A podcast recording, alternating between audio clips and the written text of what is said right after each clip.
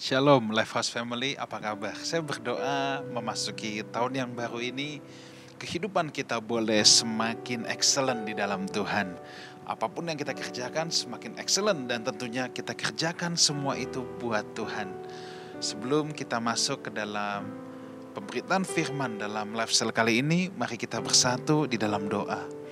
Bapa dalam surga, kembali kami rendahkan diri kami, datang ke hadirat Bapa, ke tahtamu yang maha kudus.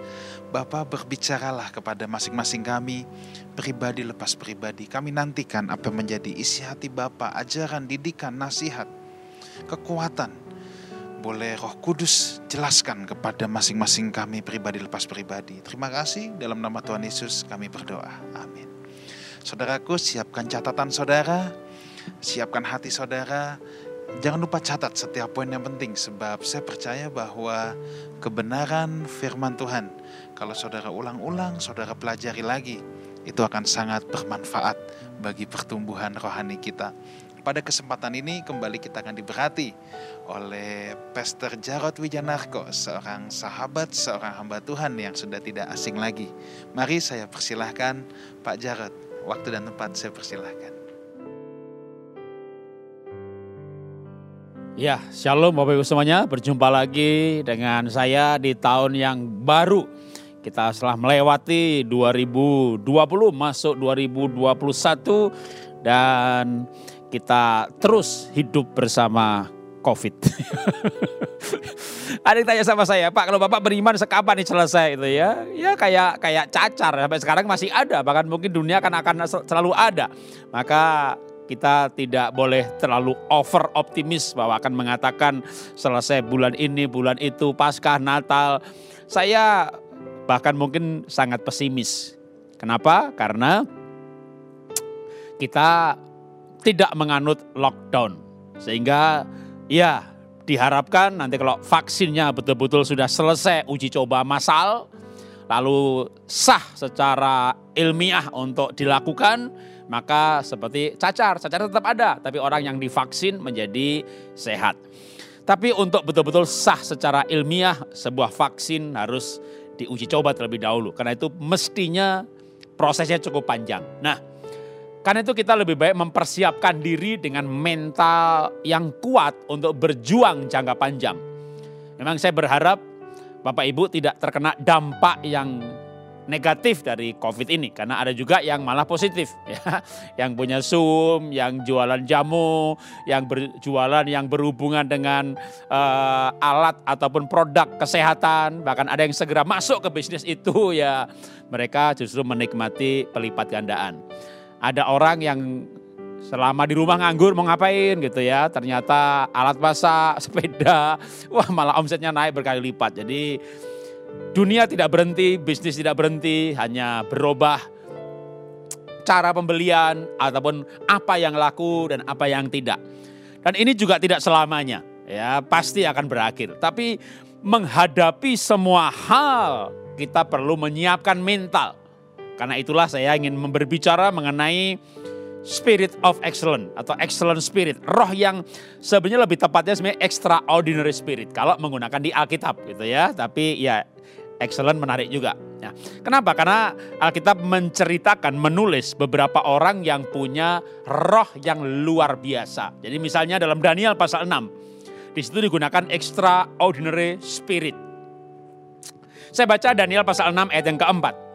Daniel ini melebihi para pejabat tinggi dan para wakil raja itu karena ia mempunyai roh yang luar biasa. Dan raja bermaksud untuk menempatkannya atas seluruh kerajaannya. Nanti kalau dibaca sendiri kisah selanjutnya, maka bukan akan, tapi akhirnya raja betul-betul menempatkan. Daniel menjadi semacam perdana menteri atau wakil raja karena dia membawai raja-raja kecil yang lain. Tapi saya baca yang ayat ini masih akan menempatkan karena di sini ada alasan kenapa raja akan menempatkan Daniel menjadi wakilnya memimpin raja-raja lain. Karena ditulis di sini bahwa Daniel ini melebihi para pejabat tinggi karena kenapa? Karena ia punya roh yang luar biasa. Daniel ini adalah orang yang pada waktu itu, pada politik zaman itu, keadaan waktu itu, Daniel ini diambil dari orang Yahudi, ya, diangkut ke Babel menjadi budak. Jadi dalam posisi secara sosial, secara politik, ya, kelas bawah. Daniel tidak punya partai atau dia pengusaha kaya raya yang nyumbang banyak banget gitu ya. Para calon presiden kampanye disumbang banyak, eh menang lagi dapat kedudukan. Enggak, enggak, enggak. Daniel dapat kedudukan karena bukan sumbangannya banyak atau dia punya partai lalu pengikutnya banyak ya diperhitungkan lah dapat kedudukan. Enggak. Daniel tidak punya partai, tidak punya uang, dia punya roh yang luar biasa. Lalu apa hubungannya Pak berita ini sama saya? Gitu. Hubungannya adalah firman Tuhan berkata bahwa roh yang di dalam kamu lebih besar daripada roh yang ada dalam dunia ini. Waktu kita menerima Yesus sebagai Tuhan dan Juru Selamat pribadi, maka kita menerima roh kudus dalam roh kita. Kita dimeteraikan dengan roh kudus. Efesus 1.13, di mana meterainya? Roma berkata, roh itu bersaksi bersama roh kita. Artinya roh kudus itu adanya di roh kita oleh roh itu kita berseru ya Aba, ya Bapa. Nah roh itu adalah roh yang luar biasa juga. Roh yang luar biasa ini saya bawa sekarang lebih praktis. Ya, kalau wah saya punya roh yang luar biasa, ya masih teologis atau konsep. Maka saya ingin bawa sekarang pada orang-orang di Alkitab yang punya roh yang luar biasa dan kita belajar dari hal itu untuk menghadapi tahun ini. Karena ini tahun-tahun yang makin menurut saya dari sisi tantangannya makin berat. Karena persaingan makin kuat, keadaan mungkin gak baik. Tapi apa pun keadaannya dihadapi dengan roh yang luar biasa. Ada masalah berarti ada jalan keluar. Masalahnya besar berarti ada mujizat yang yang yang luar biasa. Karena itu kita menyiapkan dengan extraordinary spirit atau spirit of excellence. Paulus termasuk juga orang yang luar biasa. Pertama Daniel, dia punya karier yang luar biasa, lompatan. Karena dia punya roh yang luar biasa. Berita baiknya adalah saudara juga punya roh yang sama seperti yang ada dalam Daniel. Nah sekarang Paulus. Paulus juga menurut saya orang yang luar biasa. Dia menulis buku paling banyak. Rom, Korintus, Galatia, Efesus, Filipi, Kolose, Tesalonika, Timotius, Titus, Filemon. Itu semuanya ditulis sama Paulus. Produktif sekali. Dia merintis gereja di kota Rom, Korintus, Galatia, Efesus, Filipi, Kolose, Tesalonika. itu gereja-gereja yang dia buka. Kalau Anda baca Alkitab yang bukan gadget ya, yang dicetak. Setelah Wahyu ada kamus, paling belakang lagi ada peta itu ada peta perjalanan Paulus pertama, kedua, ketiga, gitu. rasul yang lain gak dibikin petanya. Mungkin rutenya pendek saja, tapi Paulus ini semua kota yang bisa dijangkau dengan alat transportasi pada waktu itu dia kunjungi dan dia jelajahi, dia selesaikan. Ini menurut saya maksimal sekali orang ini. Nah, Paulus yang pencapaiannya luar biasa. Bisa juga dilihat dari tantangannya yang dihadapi. Di penjara, digebuki, dilempari batu dan segala macam. Dan dia tetap terus melayani maka menurut saya menarik, ini orang luar biasa. Kalau kita bisa belajar dari sikapnya, apa yang di, yang yang menjadi dasar sehingga Paulus punya sikap yang luar biasa, sikap itu berdampak pada pencapaian yang luar biasa. Tapi sikap itu ada akarnya, ada dasarnya. Nah, dia mengajarkan kepada muridnya yang dia muridkan, yang dia mentoring atau dia coaching. Yang bernama Timotius. 2 Timotius pasal 4 ayat 7. Paulus berkata kepada Timotius demikian. Aku telah mengakhiri pertandingan yang baik, aku telah mencapai garis akhir dan aku telah memelihara iman. Dalam ayat yang lain Paulus berkata bahwa seorang olahragawan berhak memakai mahkota kejuaraan hanya kalau dia bertanding sesuai peraturan. Jadi berbicara pertandingan, kalau olahragawan itu kalau nggak ikut peraturan, ah, diskualifikasi, nggak bisa jadi juara. Artinya dalam pertandingan sebenarnya bukan hanya menang dan kalah yang penting. Tapi mengikuti peraturan itu lebih penting lagi. Karena tanpa ikut peraturan, kemenangan akan dianulir. Nah Paulus, kenapa dia hidupnya luar biasa? Karena dia punya konsep hidup. Jadi nilai hidup, konsep hidup itu akan mempengaruhi perilaku. Paulus punya keyakinan bahwa dalam hidup ini ya. Yang penting bukan menang kalahnya, tapi bagaimana mengikuti peraturan. Kalau kita hidup nah aturan hidup itu apa? Ya firman Tuhan. Nah kalau kita mengikuti aturan hidup, sukses, kaya, diberkati, itu dampak sampingan. itu bukan obsesi, itu dampak ketika orang hidup dalam jalan-jalan Tuhan. Pergumulannya bukan bagaimana kaya, diberkati, sembuh, pergumulannya adalah bagaimana berkenan kepada Tuhan Nanti kalau berkenan kepada Tuhan, bisa saja ya Tuhan beri hadiah kesehatan. Kalau enggak, dipanggil Tuhan, masuk surga. Stefanus dilempari batu, batunya enggak ditangkis sama malaikat, belok enggak, mati juga. Tapi Stefanus sebelum matinya melihat sorga. Gimana matinya? Masih hidup aja, belum mati lihat. Aku melihat sorga terbuka gitu ya. Pasti dia masuk sorga. Jadi soal soal ditolong tidak ditolong itu hal yang kedua. Kalau kita kembali kepada Daniel, Daniel Sadra Mesa Abednego.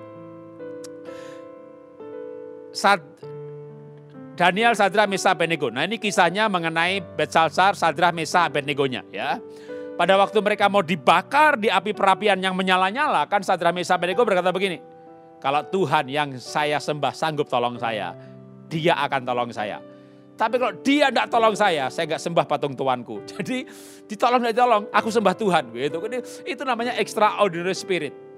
Ditolong tidak ditolong, saya tidak akan sembah patung tuanku. Kalau Allah yang saya, sanggup saya sembah, tolong saya, dia akan tolong saya. Tapi seandainya tidak tolong saya, saya tidak sembah patung tuanku. Ini kan ini sikap ini sikap hidup, sikap karena muncul dari sebuah pengertian bahwa Tuhan itu layak disembah, tolong tidak ditolong itu nggak ada masalah. Dia tetap Tuhan, Bandingkan dengan sikap orang sekarang. Ya kalau Tuhan tolong saya, saya akan beribadah. yang butuh itu siapa sih? Kita butuh Tuhan, apa Tuhan butuh kita? Gitu ya. Itu sikap hidup. Muncul dari konsep hidup. Nah kembali kepada Paulus. Paulus punya konsep hidup bahwa hidup ini pertandingan. Nah yang namanya pertandingan sebenarnya bukan menang atau kalah. Saya akan akan akan memberikan sebuah kata-kata bijak mengenai pertandingan. Tidak masalah menang atau kalah, tapi adalah bagaimana kita bermain hidup ini sesuai aturan firman Tuhan.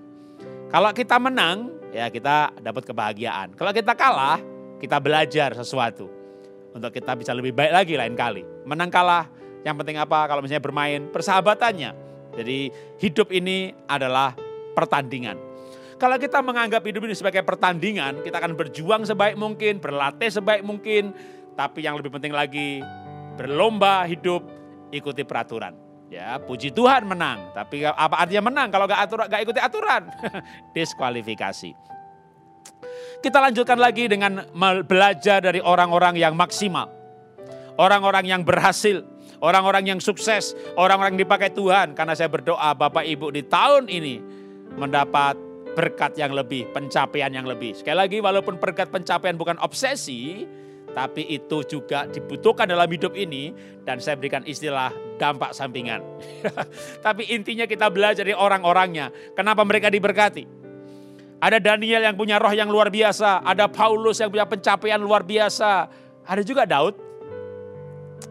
Daud bukan keluarga kaya. Paling enggak saya tahu waktu Daud pergi ke medan perang, lalu kakaknya bilang begini, kamu ke sini ngapain? Mau nonton perang? Eh, mana dombamu yang dua tiga ekor itu? Ternyata dombanya dua tiga ekor, bukan ribuan. Berarti bukan keluarga kaya. ya.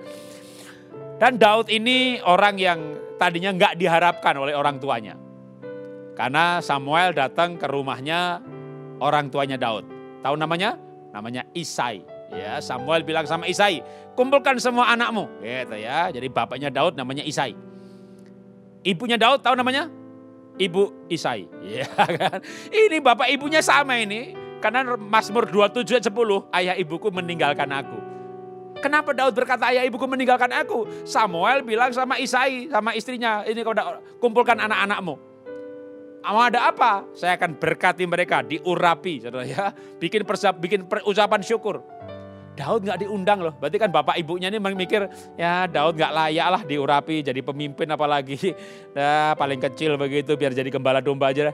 Itu ternak yang menggembalakan Daud. Dan Daud bersaksi kalau ada beruang ya, ini dia berjuang mempertahankan domba lembu sapinya, ternaknya ya. begitu dis, disembelih dimasak, nggak diajak makan, ya. Memang tepat sekali kalau Daud berkata, ayah ibuku meninggalkan aku. Keluarga orang miskin, nggak diharapkan orang tuanya, bahkan badannya sebenarnya Daud ini tidak seperti kakak-kakaknya. Daud kan punya kakak berapa orang? Tujuh ya. Eliab, Abinadab, Syama, terus siapa lagi? Adiknya sama, adiknya sama lagi, lalu adik-adiknya sama dan adik-adik-adiknya Syama. Jarang loh ada pendeta tahu nama kakak-kakak Daud, ya kan? kecuali saya.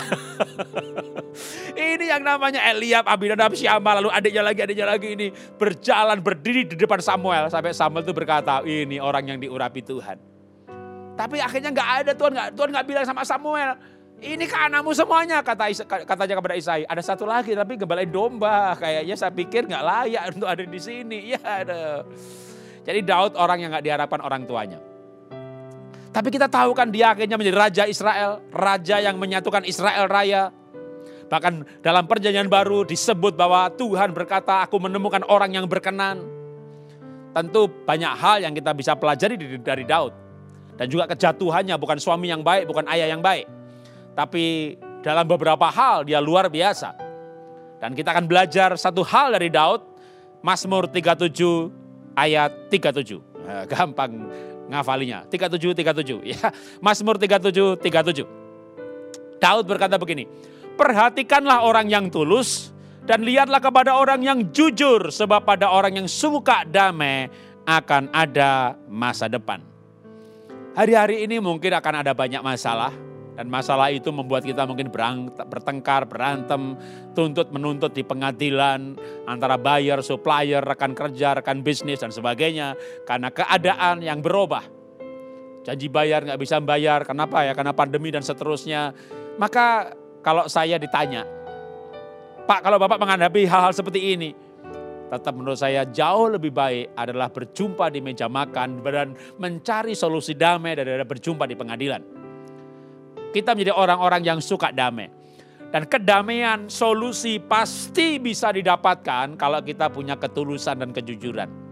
Bahkan Paulus, bahkan, bahkan Daud berkata, pada orang yang jujur dan tulus itu ada masa depan. Saya kasih kesaksian. Saya sering bersaksi bahwa saya orang miskin yang merantau ke Jakarta, tinggal di pinggir rumah kuburan. Ya, Pak, kalau Bapak orang miskin kok punya Happy Holy Gate, punya Iva Dasyat, punya rumah gede banget ya. Dulunya miskin gitu ya. Lalu gimana Pak bisa diberkati? Kok bisa punya perusahaan kalau miskin? Nah gini, saya orang miskin, miskinnya luar biasa. Tidak punya cita-cita jadi pengusaha. Saya waktu kuliah saja udah pengen banget jadi pendeta saking aktifnya dalam pelayanan lahir baru sungguh-sungguh, lalu radikal dalam Tuhan, karena dulunya bukan orang Kristen, lalu pengen banget jadi pendeta. Saya pulang ke Solo, ke rumah orang tua saya. Bu, aku mau keluar dari IPB. Institut Pertanian Bogor. Saya mau keluar dari IPB bu. Lah kenapa? Aku mau sekolah Alkitab, mau jadi pendeta. Wah ibu saya nangis. Wah joleh, wih kok jadi pendeta makan apa? Makan apa? Ya makan nasi bu gitu. Waduh ibu saya nangis. Kenapa? Karena menurut ibu saya pendeta itu miskin-miskin gitu ya. Karena dia bergereja di gereja yang di mana pendetanya itu naik sepeda gitu. Coba dia bergereja di gereja yang lain. Gitu. Waduh, akhirnya ibu saya bilang begini, kamu kamu selesaikan dulu insinyurnya. Kamu mungkin emosi. Saya nggak emosi bu, ini panggilan. Buktikan kalau itu panggilan. Gimana buktinya bu? Kalau kamu jadi insinyur masih pengen jadi pendeta, itu berarti panggilan. Ya udah, akhirnya saya lanjutkan insinyur saya. Tapi saya udah gak pengen jadi insinyur sebenarnya. Hanya untuk menunjukkan kalau ini bukan emosi. Setelah insinyur nanti aku mau jadi pendeta. Gitu ya. Lalu saya mulai mikir. Gimana caranya ya sekaligus dapat insinyur sekaligus dapat pendetanya gitu ya kan. Tapi sekolahnya insinyur gitu. Akhirnya saya otak saya cari akal. Akhirnya cari-cari kenapa? Saya cari pacar anak pendeta. Kenapa? Kan anak pendeta mantu pendeta jadi pendeta ya kan. Jadi saya cari pacar anak pendeta. Dapat istri saya itu anak pendeta ya. Nah, karena cita-cita saya pengen jadi pendeta, lalu saya dapat pacar menikah dengan anak pendeta. Begitu menikah, mertua saya, seorang gembala sidang, seorang pendeta berkata begini, Kalau kamu bukan panggilan, jangan jadi pendeta ya. Udah sekolah sama anak saya juga, kamu berdua insinyur, masuk jadi pendeta. Kerja dulu, sukses. Kalau sukses masih pengen jadi pendeta, itu berarti panggilan. Waduh. Waktu saya punya punya ijazah insinyur itu saya udah bilang sama ibu saya, Bu aku sudah insinyur Bu, aku mau jadi pendeta gitu ya.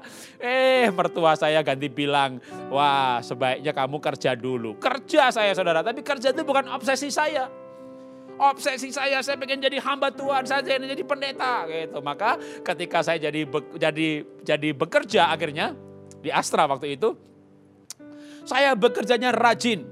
Saya jujur dan jujurnya radikal. Kenapa saya jujur? Saya bilang sama Tuhan, Tuhan aku pengennya jadi hamba Tuhan. Ini bekerja asal bisa makan. Saya belum khotbah, ya udah pekerjaan saya, ini khotbah saya. Saya bekerja seperti untuk Tuhan. Jadi intinya apa? Intinya saya orang yang miskin karena merantau ke Jakarta, tinggal di pinggir kuburan, miskinnya minta ampun, rajin luar biasa. Kenapa? Pengen jadi saksi lewat pekerjaan dan jujurnya radikal. Kenapa jujur? Saya tahun-tahun itu terlibat dalam pelayanan, ngusir setan, bakar jimat. Nah, kalau nggak jujur, kena serangan balik gimana? Jadi yang namanya takut dosa itu luar biasa. Nah, itu saya jalankan bertahun-tahun. Sampai akhirnya ada orang kaya raya melihat saya miskin, rajin, jujur. Jujurnya minta ampun radikal, miskin, rajin. Miskin, rajin, jujur. Orang kaya itu kasihan. Singkat cerita saya dimodali, buka usaha, nggak setor duit, setor badan, dikasih saham 50%. itu awalnya kenapa saya bisa punya perusahaan. Ya karena menghidupi firman Tuhan ini yang Tuhan firman Tuhan katakan orang jujur ada masa depan miskin, rajin, jujur, dikasih dia diajak kongsian, buka sah, buka perusahaan, setor badan, dapat saham 50%. Miskin, rajin, jujur. Coba miskin, males, maling. Orang kaya berkata, salibkan dia. Ya kan? Jadi kalau kita itu jujur, firman Tuhan tepat sekali. Firman Tuhan dikenapi. Orang yang jujur ada masa depan. Kita lanjutkan lagi kembali kepada Korintus. Paulus Kembali kepada Paulus dan sekarang saya akan sebutkan ayatnya yang tadi sempat saya ceritakan mengenai Paulus. Dalam 2 Korintus pasal 11 ayat 23, 24, 25, 26, 27 panjang sekali tapi saya akan bacakan intinya. 2 Korintus pasal 11, 23 sampai 27 ini Paulus bercerita tantangan yang dia alami. Saya baca beberapa poin. 2 Korintus pasal 11 ayat 23. Aku lebih banyak berjeli lelah, lebih sering di dalam penjara, didera di luar batas, kerap kali dalam bahaya maut, Lima kali aku disesa orang Yahudi, tiap kali empat puluh kurang satu pukulan. Tiga kali aku didera, satu kali aku dilempari batu, tiga kali mengalami karam kapal. Sehari semalam aku terkatung-katung di tengah laut. 26. Dalam perjalananku aku sering diancam bahaya banjir, bahaya penyamun, bahaya pihak orang-orang Yahudi, bahaya orang bukan Yahudi, bahaya di kota, bahaya di padang gurun, bahaya di tengah laut, dan bahaya dari saudara-saudara palsu. 27. Aku banyak berjeri lelah dan bekerja berat, kerap kali tidak tidur, aku lapar dan dahaga, kerap kali aku berpuasa kedinginan tanpa pakaian. Paulus melayani menurut saya tantangannya wow. Dengan tantangan dan dan mengalami aneka percobaan, pencobaan, aniaya, dia terus melayani Tuhan. Ini orang kagak ada matinya, kagak ada berhentinya. Semangatnya, antusiasnya, ini kalau saudara bekerja seperti semangatnya seperti ini, sukses itu pasti. Sukses itu pasti, berhasil itu pasti. Karena orang yang antusias, semangat, pantang menyerah, pasti akhirnya berhasil sukses. Tapi banyak orang berhenti di tengah jalan. Kenapa? Karena kecewa, kepahitan, putus asa, mogok, berhenti. Tapi pertanyaannya bagaimana Paulus bisa punya semangat seperti ini? Jadi menurut saya sebenarnya sukses itu pasti, berhasil itu pasti. Cuma butuh waktu. Waktu ini akan terasa cepat kalau antusias, semangat, pantang menyerah. Tapi gimana Pak bisa pantang menyerah? Nah, Paulus bersaksi kenapa dia demikian, itu dia tulis dalam 2 Korintus pasal 5. Justru mundur ke belakang alasannya. 2 Korintus pasal 5 ayat 14. Sebab kasih Kristus yang menguasai kami karena kami telah mengerti bahwa jika satu orang sudah mati untuk semua, maka mereka semua sudah mati. Paulus berkata bahwa satu orang, yaitu namanya Tuhan Yesus waktu menjadi manusia, sudah mati bagi saya. Dan kasih itulah yang menguasai kami. Dorongan apa yang paling besar? Kasih. Motivasi apa yang paling kuat? Kasih. Kalau Anda punya motivasi bukan kasih, pasti cepat berhenti. Motivasinya apa? Melayani, ya pengen dapat penerimaan ya. Maka dari gereja diterima ya kan? Di rumah kan nggak diterima. Sama istri dibantah sama suami diremehkan. Merasa nggak diterima. Di gereja shalom haleluya dihormati. Wah merasa diterima semangat ya kan? Nyumbang kursi waduh makin dihormati. Wah semangat. Bukan nyumbang kursi lagi tambah nyumbang lampu nyumbang LCD makin dihormati lagi nyumbang keyboard waduh. Yang dicari penerimaan. Wah nyumbang keyboard tambah dihormati lagi. Suatu ketika ditegur ya. Wah ditegur kecewa keyboardnya bawa pulang lagi. itu bukan nyumbang, itu namanya taruh saham di gereja, ya kan? Nyumbang kok dibawa pulang lagi itu. Lah, itu kan karena mencari penerimaan.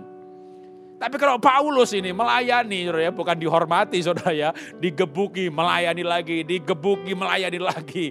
Tuh orang sekarang ini jangankan digebuki, Lupa, Loh, lupa saudara. Gak dijadikan panitia Natal kemarin. Lupa, gak dijadikan panitia Paskah. Lupa, bukan sengaja lupa. Udah ngambek. Udah. Cerita sama yang lain. Masa sih Pak Gembala lupa sama aku. Aku gak diajak. Gitu mah. Ya lupa. Ya, ya ngambek deh. Nyumbang sama gereja. Nah sekian puluh juta gitu ya.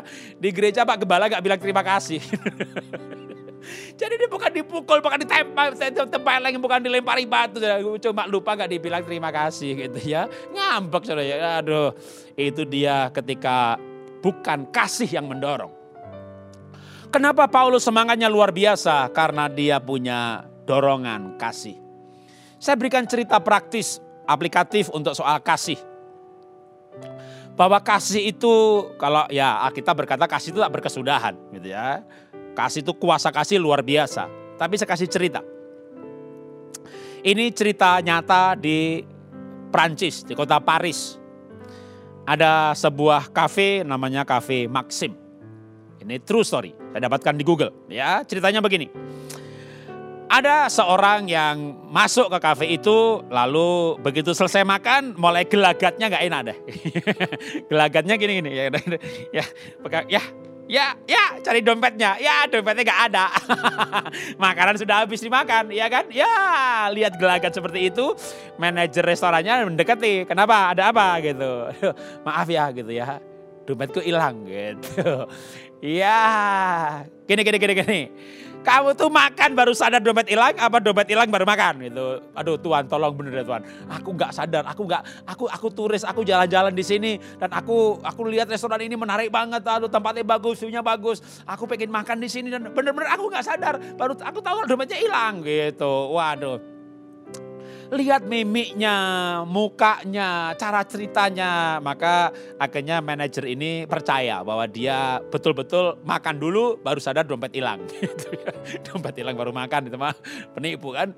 Nah lalu dia dari cerita itu malah akhirnya muncul si manajer ini panggil pemiliknya. Dan pemiliknya ngobrol, maka pemiliknya ini muncul belas kasihan. Ya. Dari belas kasihan itu akhirnya tahu bahwa oh ini orang ini bernama Franz Lehar. Franz Lehar ini dari Vienna, Hongaria. Dan Franz Lehar bilang sama pemilik restoran itu, aku aku dari Hongaria, aku seorang uh, koreografer, suka bikin drama dan sebagainya. Pemilik kafe ini merasa kasihan, lalu bukan hanya menggratiskan makanannya, gitu ya. Ini tak kasih duit untuk urus tiket pulang ya karena dia berupaya bukan hanya kehilangan dompetnya, sak tiket-tiketnya hilang. Enggak dulu, enggak zaman seperti zaman dulu cerita lama ya, enggak seperti sekarang tiketnya ada udah online, yang penting kode bookingnya inget ya tunjukin paspor aja waktu check in udah bisa gitu. Dulu enggak, jadi ini malah ditambah dikasih tiket pulang. Franz Lehar balik ke Hongaria dan dia menggunakan kisah yang dialami itu untuk menjadi sebuah judul korek judul dramanya yaitu Cafe Maxim yang baik hati kalau dalam bahasa Indonesia. Isinya pengalaman dia dituangkan dalam drama. Ternyata dramanya mendapat sambutan luar biasa sehingga orang-orang Vienna Hongaria kalau melihat gara-gara melihat drama itu gitu ya dan memang dikasih tahu ini kisah nyata kalau ke Prancis, ke Paris, ke kafe itu gitu ya. Nah singkat cerita aja kafe itu menjadi rame, lebih rame lagi setelah kejadian ini dan bertahun-tahun rame. Sebuah kebaikan. Itu nggak berhenti begitu saja. Sebuah kebaikan akan terus mengalir ketika kebaikan yang dorongannya kasih. Si pemilik kafe nggak berharap imbal balik itu sih. Dia lihat orang yang tulus gitu ya. Kayaknya orang ini bener nih ngalami malapetaka, bukan digratisin lagi, dikasih ongkos tiket pulang. Tapi ternyata orang yang ditolong juga nggak mau begitu saja menerima pertolongan. Dia ingin membalas dengan apa yang dia bisa lakukan. Ya, waktu itu belum zaman gadget di mana orang di endorse gitu ya. Tapi drama yang dia buat itu menjadi endorse kehidupan. Nah, saudara, menurut saya endorse kehidupan itu akan datang dari Tuhan. Kalau kita konsisten, komitmen menjalani kehidupan ini dengan nilai-nilai kehidupan, dengan peraturan kehidupan. Karena seseorang olahragawan layak menggunakan mahkota kejuaraan hanya kalau ia bermain sesuai peraturan. Ketahuan saja ada satu peraturan dilanggar, diskualifikasi, kejuaraannya batal, mahkota diambil. Kita ini hidup adalah pertandingan kehidupan. Mari kita hidup sesuai dengan peraturan hidup yang Tuhan buat di dalam firman-Nya. Pergumulan kita adalah bukan bagaimana kaya, terkenal, berhasil, dan beruntung Pergumulan kita adalah bagaimana kita menghidupi kehidupan ini sesuai aturan hidup yang Tuhan buat. Maka kita akan mendapat mahkota kehidupan. Bukan mahkota kejuaraan pertandingan olahraga apa, mahkota kehidupan. Mari kita berdoa. Bapak kami bersyukur kami belajar firman-Mu dan kami akan menghidupi, menjalani tahun baru dengan nilai-nilai hidup dari Tuhan. Karena kami percaya Tuhan, Nilai-nilai firman-Mu adalah kekal dari tahun ke tahun, dari masa ke masa. Dan kalau orang-orang yang menjalani nilai-nilai itu, Tuhan berikan berkat, keberhasilan, keberuntungan, kemuliaan, dan terlebih adalah mahkota kehidupan. Maka kami percaya ketika kami juga menjalani hidup tahun ini dengan nilai-nilai firman Tuhan, maka berkat-berkat firman Tuhan, berkat-berkat kekekalan itu akan menyertai kami. Terima kasih Bapak, terima kasih Bapak. Bapak Ibu Saudara saya akan berdoa buat Bapak Ibu semuanya. Diberkatilah pekerjaanmu, diberkatilah masa depanmu, diberkatilah keluargamu, diberkatilah usahamu. Di tahun baru ini engkau diberi kehidupan yang baru, semangat yang baru, gairah yang baru, antusias yang baru. Kalau seada yang Tuhan izinkan mengalami kehilangan di tahun yang lalu, maka ini akan menjadi tahun pemulihan bagi saudara.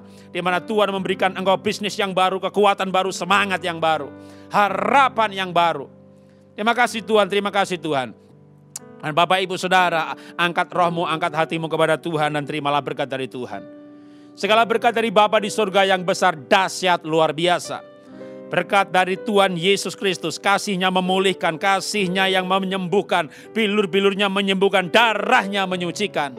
Penyertaan dari pribadi Tuhan Roh Kudus yang hadir di mana-mana, bahkan dia ada dalam roh saudara, dimeteraikan dalam roh saudara. Roh itu berbicara dalam hati nurani saudara. Dia mengingatkan firman Tuhan. Roh Kudus mengingatkan kebenaran. Roh itu akan menghibur saudara dalam kesusahan, memberikan kekuatan dalam kelemahan dari waktu ke waktu sampai kita mencapai pertumbuhan keserupaan dengan Kristus.